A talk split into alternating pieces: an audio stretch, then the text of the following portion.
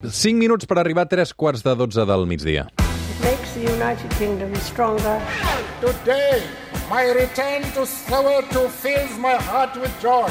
Ladies and gentlemen, welcome to London Heathrow's Terminal 5.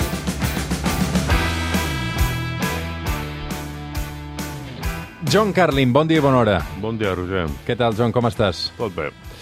Déu-n'hi-do quin matí No, que portem. Per mi, per el resto del mundo no sé. Mm, um, us hem despertat avui uh, explicant-vos aquesta escalada de tensió a la franja de Gaza. Israel uh, confirma que està bombardejant instal·lacions de Hamas a la franja de Gaza com a represàlia per l'atac combinat que aquesta matinada ha llançat el grup islamista contra territori jueu i que ha activat uh, l'estat de guerra.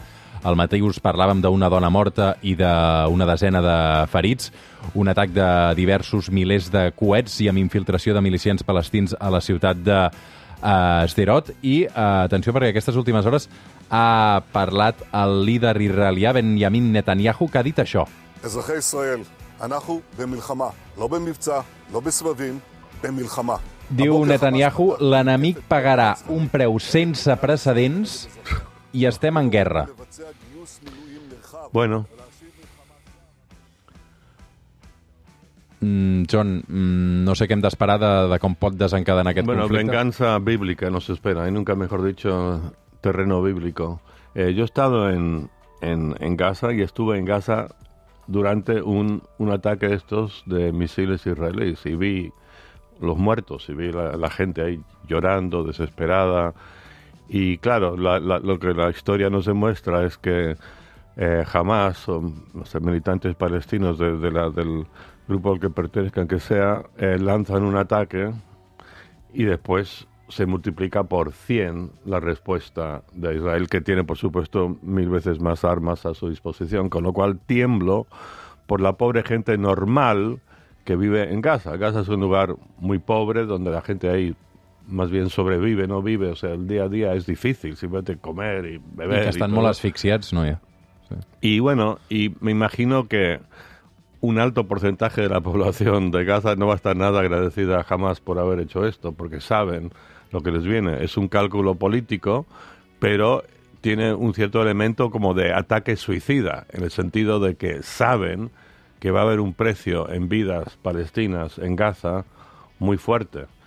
Y, y bueno, y, y- es, es desesperante. Mira, yo solo estuve ahí una vez, estuve como 10 días recorriendo todo, Jerusalén, Gaza em, y demás, y, me fui pensando, es que aquí no hay, no hay solución. Y, y creo que no hay solución porque en el fondo es un tema de un choque de religiones. Y cuando tienes un choque de religiones, em, encontrar un punto de encuentro entre dos visiones que son por definición absolutistas de la vida es imposible y es el cuento de nunca acabar. Es, es- esa, esa parte del mundo es desesperante. Y ahora encima tienes a Netanyahu que, que va a estar de fiesta ahora porque a él le encanta esto de vivir en plan guerrero y- y- y vengar y, y matar a palestinos. Y por otro lado había algo en, el- en lo que se, se depositaba un poquito de esperanza. No sé si habrás visto, Roger, pero eh, intentos de un acercamiento entre Israel y Arabia Saudí, o sea, menuda panda, Netanyahu y el Mohammed bin Salman, que Estados Unidos estaba fomentando esto en el intento de, un cierto acercamiento, de llegar a la paz, que yo la veo muy, muy lejana. Y claro, eso también se puede se va, yo, yo no creo que vaya a ningún lado. Después de esto, ahora que están en, en plan guerra pura, pues em, adiós al, al acuerdo Israel-Aràbia Saudí. I, i, i el... Veurem amb què es tradueix aquesta represàlia. Netanyahu, eh, la veritat és que paga, quan diu que pagarà l'enemic un preu sense precedents, és a dir, està dient que hi haurà moltes més morts com a represàlia d'aquest atac. I Muchísimo más. no sé fins a quin punt eh, els focus de la guerra eh, es traslladaran d'Ucraïna a, a Israel aquestes properes setmanes. No sé bueno, si... quizás, quizás las propias semanas, pero no, no mucho tiempo más. Ya creo que van a responder ahora con un ataque devastador este fin de semana, ya veremos. Y, y, ahí, y ahí se, va, se va. O sea, no, no, va a empezar una guerra en plan que jamás va a entrar en, en Israel y van a estar montando ataques. Esto yo creo que tiene un, un final de, o sea, bastante a corto plazo con muchísimos muertos palestinos y después volveremos a lo mismo. Pero es el cuento de nunca acabar. Por eso te digo, es- este- esta parte del mundo, este tema Israel-Palestina es absolutamente desesperante. Es que no se ve ni una rendija de posibilidad de solución. Uh, un actor important també en aquesta guerra són els Estats Units, els Estats Units que continuen sent notícia després que la minoria ultraconservadora del Partit Republicà aconseguís fer caure aquests dies l'speaker de la Cambra de Representants, el republicà Kevin McCarthy. Recordem que el motiu és haver arribat a acords a última hora amb els demòcrates per evitar el shutdown, el tancament del govern federal fa tot just una setmana, us explicàvem en directe aquí al suplement. Um, més enllà d'això, que ara entrarem al tema McCarthy, em, em sorprenia llegir-te, John, aquests últims dies a La Vanguardia, que deies que uh, tant Trump com Biden mm, són perills i, i que és irresponsable que tots dos es presentin a les eleccions. És a dir, que això ho escriguis de Trump no em sorprèn. Que ho escriguis de Biden em sorprèn una mica més. Per què? Per què és irresponsable que Biden es presenti Bueno, a les eleccions? Porque, primero, la premisa es que si vuelve Trump al poder, no sé, es como eh, el apocalipsis o el final de la, de la democracia en Estados Unidos, por lo menos como la hemos concebido hasta ahora. Em, es, una, es un personaje antidemocrático y también para mí, como para mucha gente, el tema de Ucrania es tremendamente importante. Hay que seguir dándoles ayuda. Si llega Trump al poder, va a cortar, reducir la ayuda o quizá eliminarla del todo y, y la, la- alianza que se ha forjado entre Europa y Estados Unidos, el tema Ucrania, eso también se va a disolver. O sea, las consecuencias de una de, de- de que Trump vuelve a la, vuelva a la presidencia son nefastas para, para, para Estados Unidos y para el mundo. Y entonces, que lo único, el único obstáculo que haya para impedir eso sea Joseph Biden, es lo que me parece absolutamente lamentable. Es un señor que tiene ya 80 años, tendrá 81 cuando las elecciones del año que viene, y ya se ve que está chochando. O sea, la principal preocupación, bueno, de, de, de sus, de la gente a su alrededor es que se vaya a caer bajando unas escaleras. Están Això, això passa sovint, passa sí, ya, ya ha ocurrido bastante y esa es, y la segunda preocupación es que va a decir chorradas. El otro día le cortaron el micrófono. O sea, su gente, su, su gente de comunicación le cortaron el micrófono porque empezó a, a, a divagar, a decir tonterías.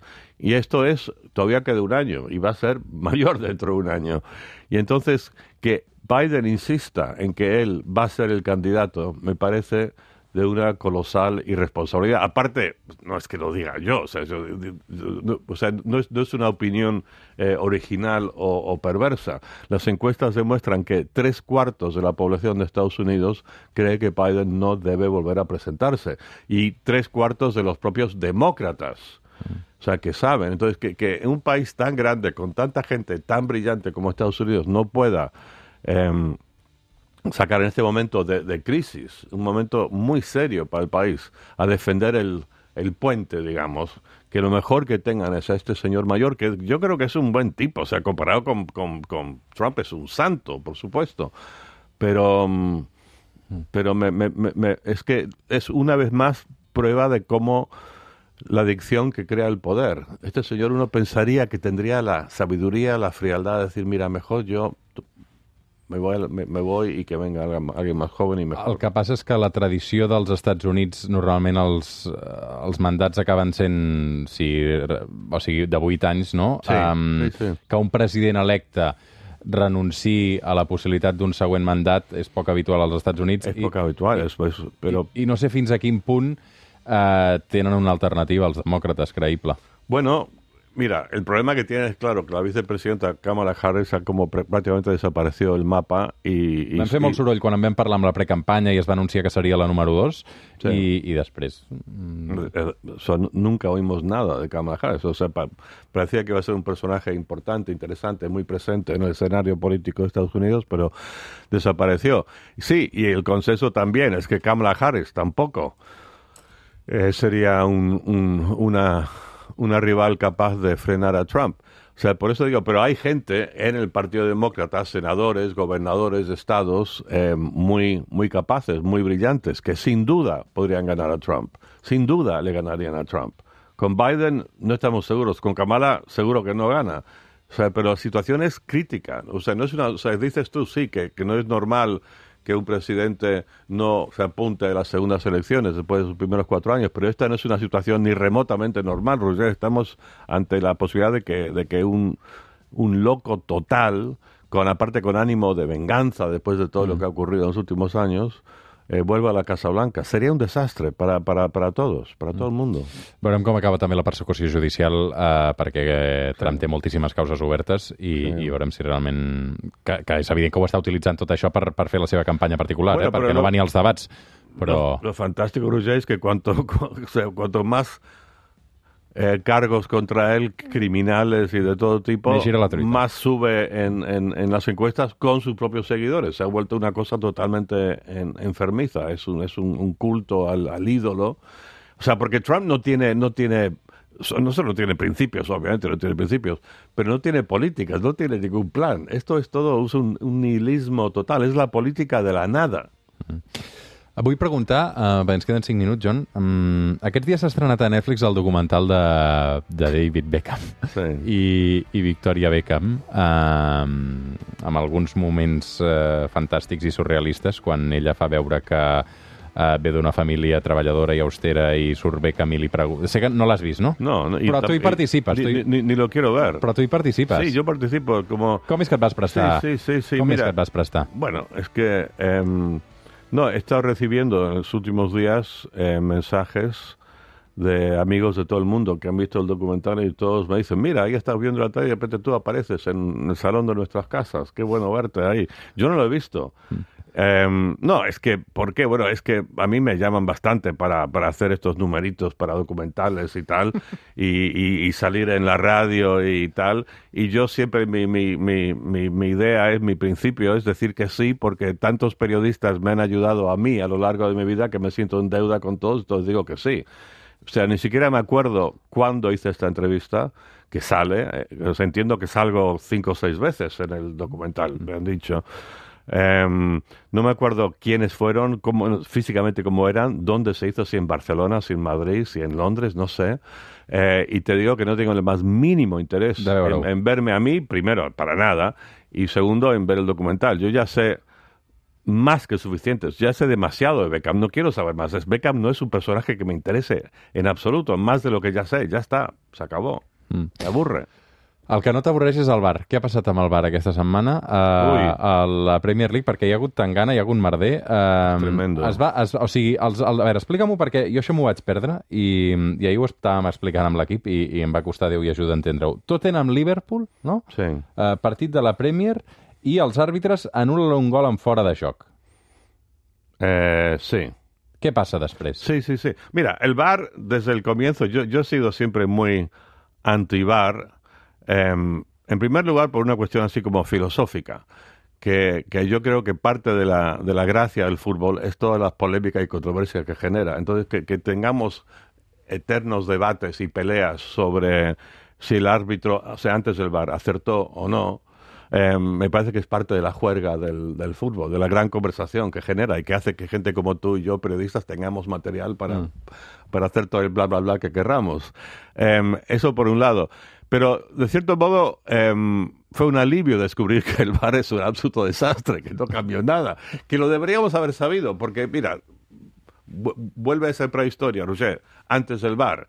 Eh, lo típico, el árbitro decidió y es la palabra final porque en el, en el campo el árbitro es la palabra de Dios. Y después veíamos, después del partido repetido mil veces con los expertos, ¿no? En cámara lenta, la jugada, y los expertos no se ponían de acuerdo.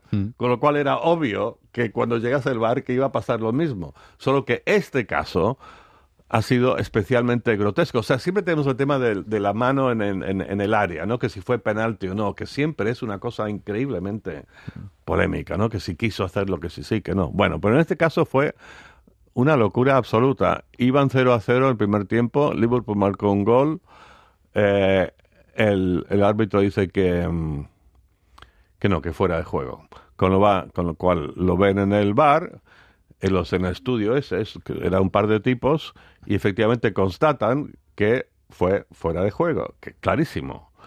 Em, pero ellos creen que el árbitro, en vez de decir que era fuera de juego, había dicho que era gol, con lo cual, o sea, levantan así los pulgares, dicen, bien, adelante, el, el- el luz verde al árbitro. Con lo cual, luz verde al árbitro significa anular el gol, que claramente fue un gol. Y bueno, entonces ha sido el tema de la semana en la prensa deportiva inglesa. Eh, Klopp, el entrenador de Liverpool, está hablando de, de que hay que volver a jugar el partido y después hay otro, empieza otro debate más, otra conversación. ¿Se debe de jugar el partido otra vez o no? Eh, pero fue un, un caos em, total. Me recordó... No, bueno, no, no, no iba a decir que me recordaba algo, no, olvídalo, pero es algo que, que, que es una falta de comunicación y también, claro, es que hay una cierta presión sobre los árbitros para, para que estas cuestiones del VAR no se demoren, porque ha habido muchos casos que estás ahí como tres, cuatro, cinco minutos, ¿no? Entonces hay una presión para que se resuelva rápido. Entonces aquí la, el deseo de ser efectivos y resolverlo así ya de una vez en poco tiempo fue lo que llevó a esta, este error tremendo de, de comunicación. Pero bueno, al final, como te digo, yo a mí me alivia ver que el VAR es un absoluto desastre porque yo creo que és important que el futbol sea, genere polèmiques d'aquest tipus. I tant, eh, de què parlaríem si no? Um, Exacte. avui, a partir de les dues del migdia, un quart d'hora abans, Cádiz-Girona, amb el Girona en zona Champions, en directe pel Tot Gira, i el Barça que juga demà també, i, i si guanya, doncs, eh, continuarà ¿Quién per juega el davant. Barça mañana? Um, doncs ara m'has enganxat, John. Ara m'has enganxat. No? Tu pillado. ets més futbolero que jo. Però espera't, que t'ho diré de seguida. no te preocupes. 3 minuts per arribar a les 12 del migdia. Ens eh, posarem al dia amb el Raúl Flores i companyia i de seguida continuarem recordant Jesús Quintero, el mític presentador i entrevistador Loco de la Colina. Ho farem amb les seves filles un any després de la seva mort i també eh, després que es publiqui un llibre eh, recordant les seves entrevistes eh, més mítiques. Eh, demà contra el Granada a les 9 del vespre. Ok, No te'l perdis. molt bé. Gràcies, John. Bona setmana. Igualment. Ara tornem. El suplement, amb Roger Escapa.